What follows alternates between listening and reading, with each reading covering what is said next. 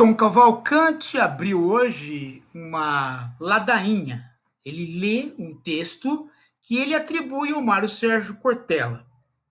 O texto diz que você não pode atirar pedras, não pode atirar pedras em prefeitos, em governadores, mas tudo isso é subterfúgio.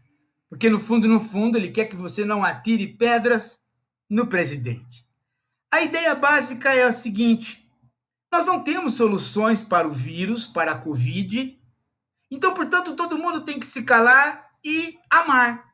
Amar uns aos outros, beijar o bumbum um do outro. Mas beijar com máscara, talvez, né, Tom Cavalcante? Como você sempre fez, beijando com máscaras poderosos. É isso. A solução é individual, não tem política, não tem biopolítica. A solução é individual não, a solução é morrer por Bolsonaro. O problema todo é que Tom Cavalcante não é humorista, ele é uma besta. Mas antes de ser uma besta, ele é um desonesto, ele é um falsário. Por quê? Porque o texto não é do Mário Sérgio Cortella, e isso Mário Sérgio Cortella já disse mil vezes, e ele sabia disso, mas ele insiste para poder fazer fama. Agora, o problema também, né, é que, meu Deus do céu, as pessoas até checaram com o Mário Sérgio Cortella. Isso porque o Mário Sérgio Cortella anda em más companhias. E aí as pessoas começam até a achar que podia ser dele. Mas não é. É uma armadilha para você achar que a culpa de tudo é sua.